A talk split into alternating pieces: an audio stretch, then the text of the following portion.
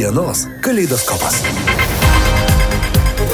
Gyvas miestas visada gyvas. Socialinės, urbanistinės, ekonominės aktualijos. Kiekvieną trečiadienį 14.30. Laida kartojama ketvirtadienį vakare bei savaitę. Miestas, kuriame gyvenu, visada gyvas. FM 99.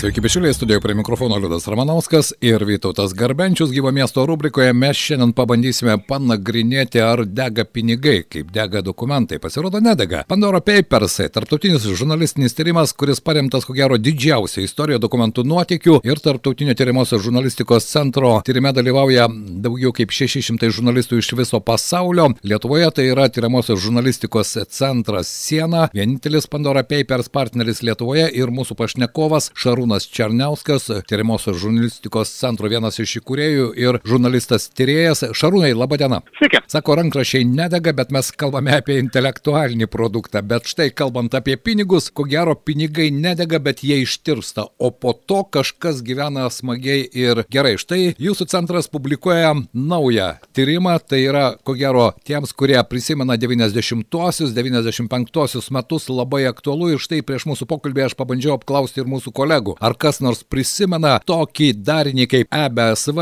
ir Gintarą Petrikį bei visą jo komandą? Tai daugelis jaunesnių žmonių net neįsivaizduoja, kas tai buvo. Štai jūs šiandien publikuojate tyrimą. Tai ar pinigai iš tikrųjų dingo, ar jie kažkur vis dėlto kažkam sukūrė gerą gyvenimą?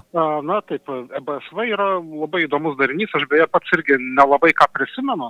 Kai EBSV griuvo, aš tuo metu buvau 12 metų ir valytui vaikščiau į mokyklą labai tvarkingai. Tai iš tikrųjų, kai nutekėjusiuose dokumentuose pamatėm tas pavardės, tai man pačiam iš tikrųjų reikėjo googlinti, kas tie žmonės ir suvest galus. Mhm. Aišku, jeigu būčiau pamatęs tokią pavardę kaip, kaip Gintaras Petrikas, tai na, būčiau turbūt prisiminęs. Bet ten buvo kitos pavardės, ten buvo Algirdas Pašukevičius, Valdas Krasnickas. Tai yra žmonės, kurie toje organizacijoje, galima sakyti, iškart po, po Petriko. Na. Iš tikrųjų buvo žiauriai įdomu. Taip, Petrikas buvo tas veidas, kuriuo tikėjo žmonės, nes kaip gali netikėti, jeigu EBSV prezidentas kartu su šalies prezidentu, oficialios delegacijos ir netgi audiencija pas popiežių, tai juk ir patys žmonės sakė, nu kaip gali netikėti tokiais žmonėmis, kurie siūlo tokius procentus. Ir aš prisimenu tuos laikus, kai senjorai visą savo santupas, kiek kas turėjo, nešė tikėdamėsi, na štai atėjo laikas kapitalizmas ir mes vieną dieną tapsime turtingais pensininkais su užtikrinta ateitimi. Taip, iš tikrųjų, prisiminti visą tą istoriją buvo ir labai įdomu ir tikrai skaudu, nes vis dėlto keliolika tūkstančių žmonių, didžioji dalis jų pensininkai, įmerkė viską ir viską prarado. Taip. Išnešti milijonai, sužlugdytas valstybinis bankas, to banko buvęs vadovas nusišovė, kai buvo pripažintas kaltų baudžiamojoje byloje. Tai iš tikrųjų yra ne tik dideli pinigai, ne tik dingę pinigai, pinigai sutepti krauju ir ašarom. Beje, jeigu šarūnai, nagrinėjant popierius, vis dėlto paaiškėjo, kokios maždaug sumos. Aš atsimenu, kad tada visi kalbėjo apie milijonus, galbūt ne apie šimtus milijonų, bet apie milijonus suneštų žmonių pinigų, kurie staiga dingo, turto nebeliko, na, kas pabėgo į Ameriką, po to grįžo atsėdėjo, kas atsėdėjo Lietuvoje, bet pinigų pėtsakai kažkaip ištirpo, na, ištirpo ko gero ir Ana? lūkesčiai ir svajonės. Tai buvo kažkur apie 80 milijonų litų. Taip, taip, 80 milijonų vien indėlininkų lėšų ir dar 111 milijonų iš valstybinio komercinio banko išvaistyta. Taip. Tai ką jums pavyko atsekti? Ar iš tikrųjų tie pinigai sudegė ištirpo, ar kaip aš minėjau, galbūt kažkam sukūrė visiškai neblogą gyvenimą ir dabar tie žmonės gali drąsiai sakyti, mes esame verslininkai, mes turime geras idėjas ir mokame iš pinigų daryti pinigus. Na, ką mes tikrai matom, tai vien tie elementai, kurie buvo surasti tarp nutekėjusių dokumentų, jie patys savaime nieko nepasako. Bet kai sugretini tuos įvykius, tuos sandorius, tuos įmonių steigimus su ta pačia EBSV byla, su Gintaro Petriko byla, vaizdas pasidaro kiek kitoks. Nes pirmiausia, ką mes matėm, kad 97 metais, tai yra metai po EBSV griūties, Indijos vandenyne, Mauricijaus saloje yra įsteigiamos trys offshore'inės įmonės. Ar EBSV veikėjai jomis disponavo nuo pat įsteigimo, iki galo aišku nėra, bet kalbėjau su ponu Pašukevičium, jis to nei patvirtino, nei paneigė. Ir toliau gretinant su įvykiais, tai na, kas matosi?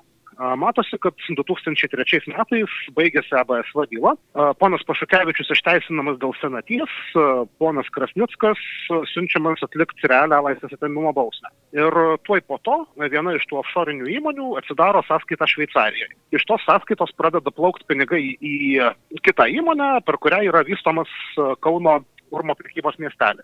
Matom, kad tie pinigai ateina, bet iš kur jie atėjo į tą patį Mauricijų, nėra aišku. Ponas Pašukevičius sako, kad neprisimena. Klausiu, ar tai yra EBSV pinigai, na, sako, negali nei patvirtinti, nei paneigti. Suprask, per seniai tai buvo. Buvo ir daugiau keistų sandorių, keistų įvykių. Buvo pusantro milijono tiesiog kaip čia pasakius, na, paleista vėjais e, iš tos pačios centrinės įmonės, kuri irgi e, dalyvavo vystant visą šitą Urmo teritoriją, į kitos offshore'inės įmonės sąskaitą išplaukė milijonas eurų ir pusę milijono dolerių. Išplaukė tokiam sąlygom, kad, na, iš tikrųjų, bent jau mano supratimu, joks sveiko proto verslininkas tokiam sąlygom pinigų neleistų. Nes tai yra paskola, be palūkanų, be jokio užstato, be garantijos ir net be gražinimo terminų. Neblogai. jo, E, iki pareikalavimo, kas reiškia, na, bet kada arba niekada. E, kam tie pinigai, kas galutinis jų naudos gavėjas, neaišku. E, kalbėjom su Rimgidu Vatkana, jisai netmetė tokios versijos, kad tai galėjo būti tylos mokestis gintarui Petrikui, nes šitie sandariai vyko maždaug mėnuo po Petriko praskraidinimo į Lietuvą. Iš Amerikos. Vėlgi, taip. Taip, taip. 2007 metai. Na, o turbūt pats įdomiausias ir labiausiai netikėtas radinys tai iš tikrųjų įvyko dirbant su kolega iš Austrijos. Nes vienas iš elementų, kurį radom, tai buvo porą paskolos sutarčių, vėlgi tos pačios Mauricijaus įmonės, pagal kurias 600 tūkstančių eurų ėjo į vieną įmonę Austrijoje. Ir tiesiog mes planavom taip, kad a, pasidarysim mažą interpelį apie tai, kadangi tai įmonė atstovavo toks Erichas Rebaso. O tai yra garsus Austrijos advokatas, kuris prisipažino teisės saugai, kad dalyvavo masyviose pinigų plovimo operacijose, bet apsaugos jisai nesulaukė ir 2012 buvo nušautas. Beje, ten buvo ir Rusijos pinigai, kiek suprantu, ar ne? Ir veikiai iš Rusijos sugebėdavo per Austriją plauti pinigus. A, taip, taip. Erichas Rebaso tikrai plovė pinigus klientams iš Rusijos. Ir mes apie tai su kolegomis iš Austrijos darėm tyrimą, tie pinigai buvo apsišvietę ūkio banke. Taigi Erikas Rebaso buvo žinomas kaip žmogus, kuris plovė pinigus klientams iš Rusijos. Kad jis turėjo klientų iš Lietuvos, nebuvo žinoma. Dabar tai tapo žinoma. Ir na, mes galvojam pasidaryti tiesiog trumpą pasakojimą apie tai, kas tas Erikas Rebaso, kas jam nutiko ir kaip jisai yra susijęs su EBSV kompanijos pinigais. Bet nutruk, nutiko truputėlį kitaip. Vykstant skambučiui su kolega iš Austrijos, jis greituoju ištraukė dokumentus iš Austrijos registro, kad pasižiūrėtų, kas stovėjo už tos įmonės, kuri Rebaso atstovavo. Ir kągi, paaiškėjo, kad tą įmonę 2014 metais perėmė tokia ponė Krasnickienė. Pono Krasnicko iš Kauno holdingo kompanijos mama. Ir jai tuo metu 88 buvo.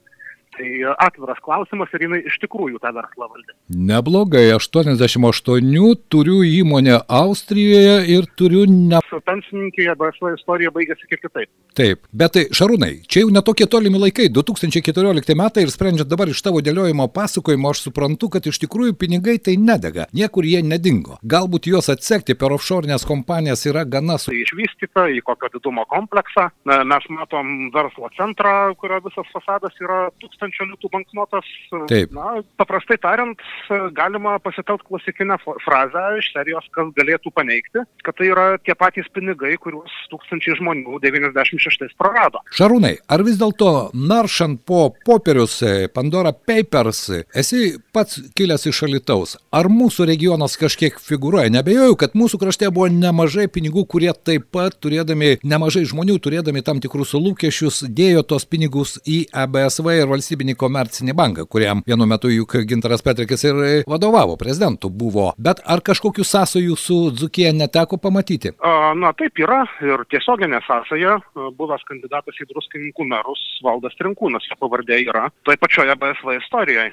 Viena iš Mauricijaus įmonių pagal dokumentus pono Trinkūno atstovaujamai Amerikos įmonė skolino 150 tūkstančių eurų. Bet ponas Trinkūnas, na, jisai sako, kad taip tokia įmonė buvo, taip jis jas teigia, bet jisai kategoriškai neigia, kad ten kokie nors pinigai judėjo, jo labiau su Pašukevičiu susiję. Mhm. Tai va čia jau, na, mano rankos prie tų įmonių banko sąskaitų neprieina, čia reikėtų tikrinti, ar ponas Rinkūnas sako tiesą, ar vis dėlto ne. Aišku. Šarūnai, vis dėlto vykdant žurnalistinius tyrimus tai yra sudėtinga. Milžiniški kiekiai dokumentų, dirbate su kolegomis iš pačių įvairiausių šalių. Bet kalbant su tais pačiais veikėjai, minėjai, kad su Pašukevičium teko kalbėti, žmonės, na, ko gero neprisimena, kur tie milijonai nuplaukia, nors ko gero kiekvienas iš mūsų prisimintų, jeigu tokią dovanėlę likimas pametėtų, ar ne, nesvarbu, ar tai prieš 20 ar prieš 25 metus. Ar jie vis dėlto, kalbant su jais, na, gali pasakyti, kad tie žmonės, na, jie išliko tokie, kokie buvo ir tas pasakymas, žinot, neprisimenu seni laikai, senaties terminas